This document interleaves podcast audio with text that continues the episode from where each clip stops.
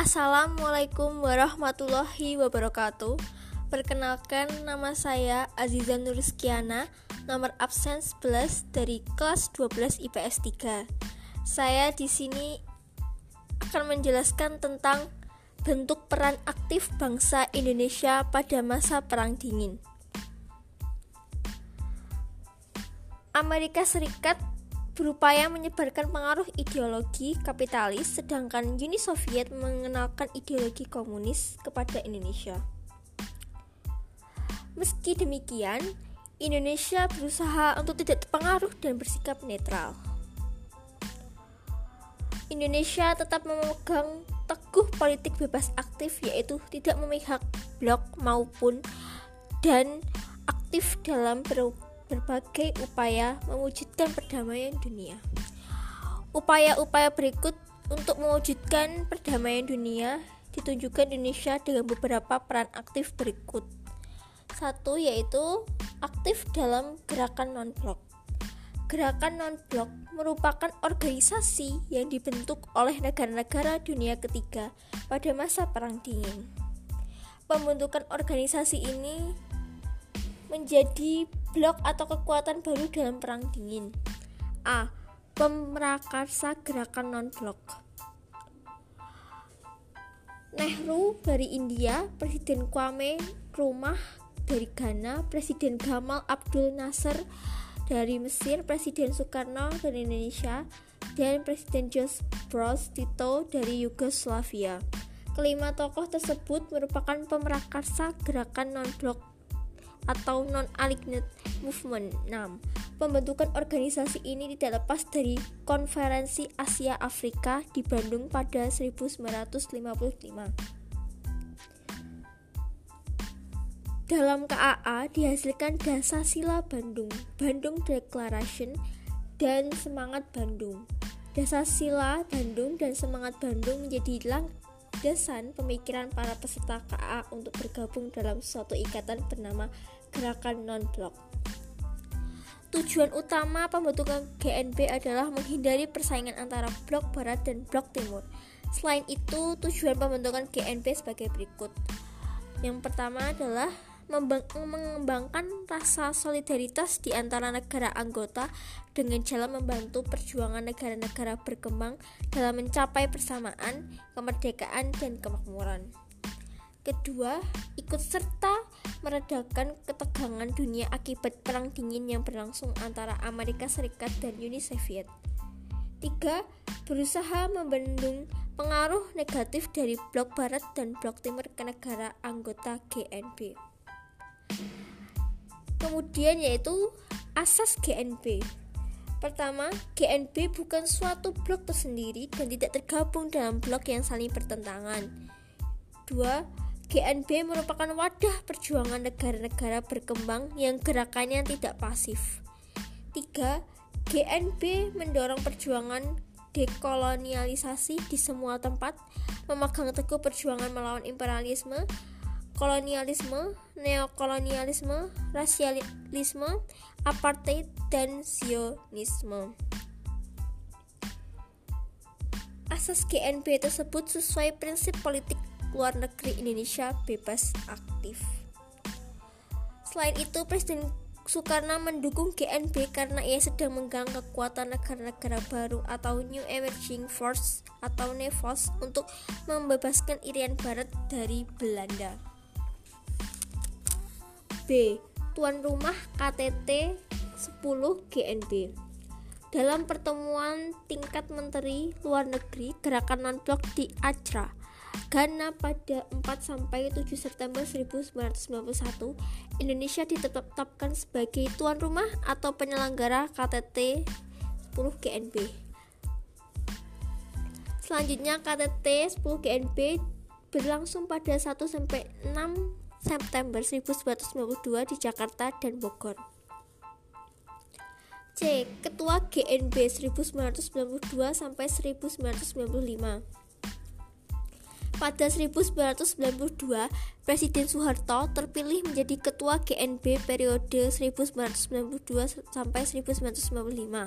Selama tiga tahun masa kepemimpinan Indonesia, banyak kalangan menyebut GMP berhasil memainkan peran penting dalam pencaturan politik global. Melalui Jakarta Message, Indonesia memberi warna baru pada organisasi ini. Dalam bidang ekonomi, Indonesia secara konsisten membahas masalah pembangunan dan mengupayakan pemecahan masalah utang luar negeri negara-negara miskin. Berikutnya adalah aktif dalam ASEAN. Association of South Asian Nation ASEAN merupakan organisasi negara-negara di kawasan Asia Tenggara yang dibentuk pada 8 Agustus 1967 di Bangkok, Thailand. Pembentukan ASEAN didorong oleh kesamaan latar belakang. Adapun kesamaan tersebut sebagai berikut: A. Kesamaan kebudayaan, bahasa, adat, tata krama, dan pola kehidupan. B. Kesamaan nasib sebagai negara bekas jajahan bangsa asing. C. Kesamaan letak geografis yang strategis dalam percaturan politik dan ekonomi internasional. ASEAN dibentuk setelah berakhirnya konfrontasi Indonesia, Malaysia, dan Filipina berkaitan dengan rencana pembentukan Federasi Malaysia. ASEAN memiliki tujuan sebagai berikut. Yang pertama, mempercepat pertumbuhan ekonomi, sosial, dan kebudayaan negara-negara di Asia Tenggara. Kedua, meningkatkan stabilitas keamanan regional dan memenuhi prinsip-prinsip piagam PBB. Tiga, meningkatkan kerjasama bidang ekonomi, sosial, politik, administrasi, serta ilmu pengetahuan dengan teknologi. 4. Saling membantu dalam kegiatan pelatihan dan penelitian bidang pendidikan profesi teknik serta administrasi 5. Bekerja sama dalam bidang pertanian, industri, perluasan, perdagangan, transportasi, dan komunikasi 6. Memelihara kerjasama dalam bidang organisasi baik regional maupun internasional mengadakan pembahasan bersama mengenai permasalahan yang terjadi di kawasan Asia Tenggara, khususnya dan kawasan Asia pada umumnya. Indonesia memiliki peran penting dalam ASEAN. Peran penting Indonesia di ASEAN berhasil membawa baik Indonesia dalam pergaulan, pergaulan internasional. Peran Indonesia di ASEAN sebagai berikut. Pertama, pendiri ASEAN. Penandatanganan Deklarasi Bangkok pada 1967 menandai pembentukan ASEAN, Indonesia ikut melopori pembentukan ASEAN bersama empat tokoh lainnya. Tokoh-tokoh pelopor pembentukan ASEAN sebagai berikut. A. Adam Malik, Menteri Luar Negeri Indonesia. B. Tun Abdul Razak, Pejabat Perdana Menteri Malaysia. C. S. Sajarat Nam, Menteri Luar Negeri Singapura. D. Tanet Koman, Menteri Luar Negeri Thailand. E. Narcisco Ramos, Menteri Luar Negeri Filipina. Pada awal pembentukannya, ASEAN hanya beranggotakan lima negara yaitu Indonesia, Malaysia, Singapura, Thailand, dan Filipina. Hingga saat ini negara anggota ASEAN berjumlah 10 negara. Satu-satunya negara di Asia Tenggara yang hingga kini belum bergabung dengan ASEAN adalah Timor Leste. Timor Leste belum menjadi anggota ASEAN karena belum tercapainya suatu konsensus dari 10 negara anggota ASEAN. Indonesia merupakan negara pertama yang menyatakan setuju untuk menerima Timor Leste sebagai anggota ASEAN.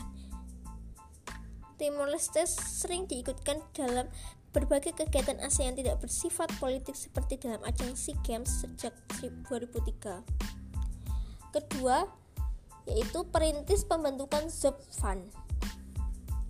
Pada 27 November 1971, Indonesia menjadi negara pendorong dalam pembentukan ASEAN Zone for Peace, Freedom and Neutrality (ZOFAN). ZOFAN merupakan pernyataan yang ditandatangani oleh Menteri Luar Negeri anggota ASEAN di Kuala Lumpur, Malaysia. Pembentukan ZOFAN mendorong anggota ASEAN untuk berkomitmen menjamin stabilitas dan keamanan Asia Tenggara dari campur tangan dan pengaruh blok barat dan blok timur selama perang dingin. Ketiga, penyelenggara KTT pertama ASEAN pada 23 sampai 24 Februari 1976, Indonesia diberi kepercayaan sebagai penyelenggara pada KTT pertama ASEAN di Bali. Pada acara tersebut, Menteri Luar Negeri negara-negara di ASEAN menandatangani Agreement on the Establishment of the ASEAN Secretariat. Dengan adanya penandatangan tersebut, Sekretariat ASEAN mulai beroperasi sejak 7 Juni 1976 yang berkedudukan di Jakarta. Sejak 1981, Sekretariat ASEAN menempati gedung Sekretariat ASEAN di Jakarta HR Darsono terpilih menjadi Sekretaris Jenderal ASEAN pertama. Terpilihnya HR Darsono menunjukkan Indonesia berperan besar dalam ASEAN. Yang keempat, tuan rumah ASEAN Ministerial Meeting XVI. Pada Juli 1984, Indonesia dipercaya menjadi tuan rumah bagi ASEAN Ministerial Meeting. Kegiatan ini diselenggarakan di Jakarta. Hasil ASEAN Ministerial Riau Meeting adalah dicetuskannya kawasan bebas senjata nuklir Asia Tenggara sebagai komponen utama Subfund. Kelima, penyelenggara Jakarta Informal Meeting JIM. Selama menjadi anggota ASEAN, Indonesia sering membantu negara-negara ASEAN yang sedang mengalami konflik. Pada 1988, Indonesia menyelenggarakan Jakarta Informal Meeting di Istana Bogor. Saat itu Indonesia menjadi penengah konflik antara Vietnam dan Kamboja. Pertemuan membuka jalan untuk memasuki konferensi perdamaian di Paris pada 1989. Konferensi tersebut disebut International Conference on Kamboja atau ICK yang berlangsung pada 30 sampai 31 Juli 1991. Konflik antara Vietnam dan Kamboja akhirnya menemui titik terang pada 1991 ketika pasukan perdamaian PBB memprakarsai gencatan senjata pihak-pihak yang bertikai. Tiga, aktif dalam kerjasama kawasan utara selatan. Kawasan utara selatan merujuk pada makna ekonomis bukan geografis. Kawasan utara merupakan kelompok negara industri maju yang memiliki teknologi canggih serta produksi industri yang selalu meningkat. Kawasan selatan merupakan kelompok negara yang sedang berkembang atau negara miskin. Secara ekonomis, kawasan selatan memiliki ekonomi dan penguasaan teknologi yang lemah. Akan tetapi, kawasan selatan memiliki sumber daya alam melimpah. Kawasan alam kawasan selatan meliputi negara-negara yang terletak di belahan bumi bagian selatan seperti kawasan Asia, Afrika, dan Amerika Latin. Kondisi perekonomian negara-negara kawasan selatan yang tidak stabil menyebabkan negara-negara tersebut terlilit utang dengan IMF dan Bank Dunia. Kondisi tersebut menimbulkan kesenjangan antara kawasan utara dan selatan. Untuk menghindari kesenjangan yang makin tajam antara kawasan utara dan selatan, diadakan dialog utara-selatan yang dimulai sejak konferensi kerjasama ekonomi internasional tingkat menteri pertama di Paris, Perancis pada 1975. Tujuan dialog utara-selatan sebagai berikut.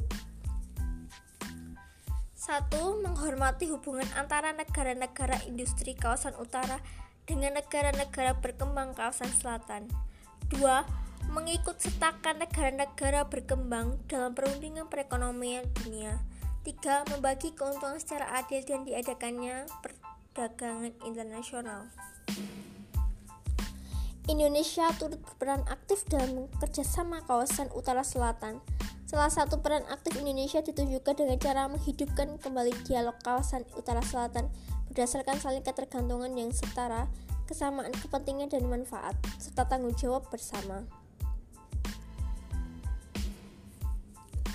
Keempat, aktif dalam upaya penyelesaian konflik Israel-Palestina.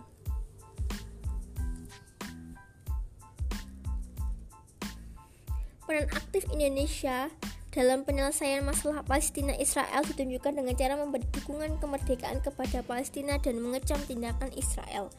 Wujud dukungan Indonesia terhadap Palestina dapat dilihat dari beberapa peristiwa berikut. Indonesia terlibat dalam upaya perdamaian Timur Tengah dengan mengirimkan pasukan Garuda pertama pada 1956. Pada saat itu PBB membentuk pasukan perdamaian untuk menghentikan perang di Timur Tengah, terusan Suez. Presiden Soekarno menolak kontingen atlet Israel dalam Asian Games keempat 1962 di Indonesia. Presiden Soekarno dengan lantang menolak keikutsertaan Israel dalam KAA Kemudian Indonesia mendukung resolusi Majelis Umum Perserikatan Bangsa-Bangsa nomor 194 tentang isu Palestina.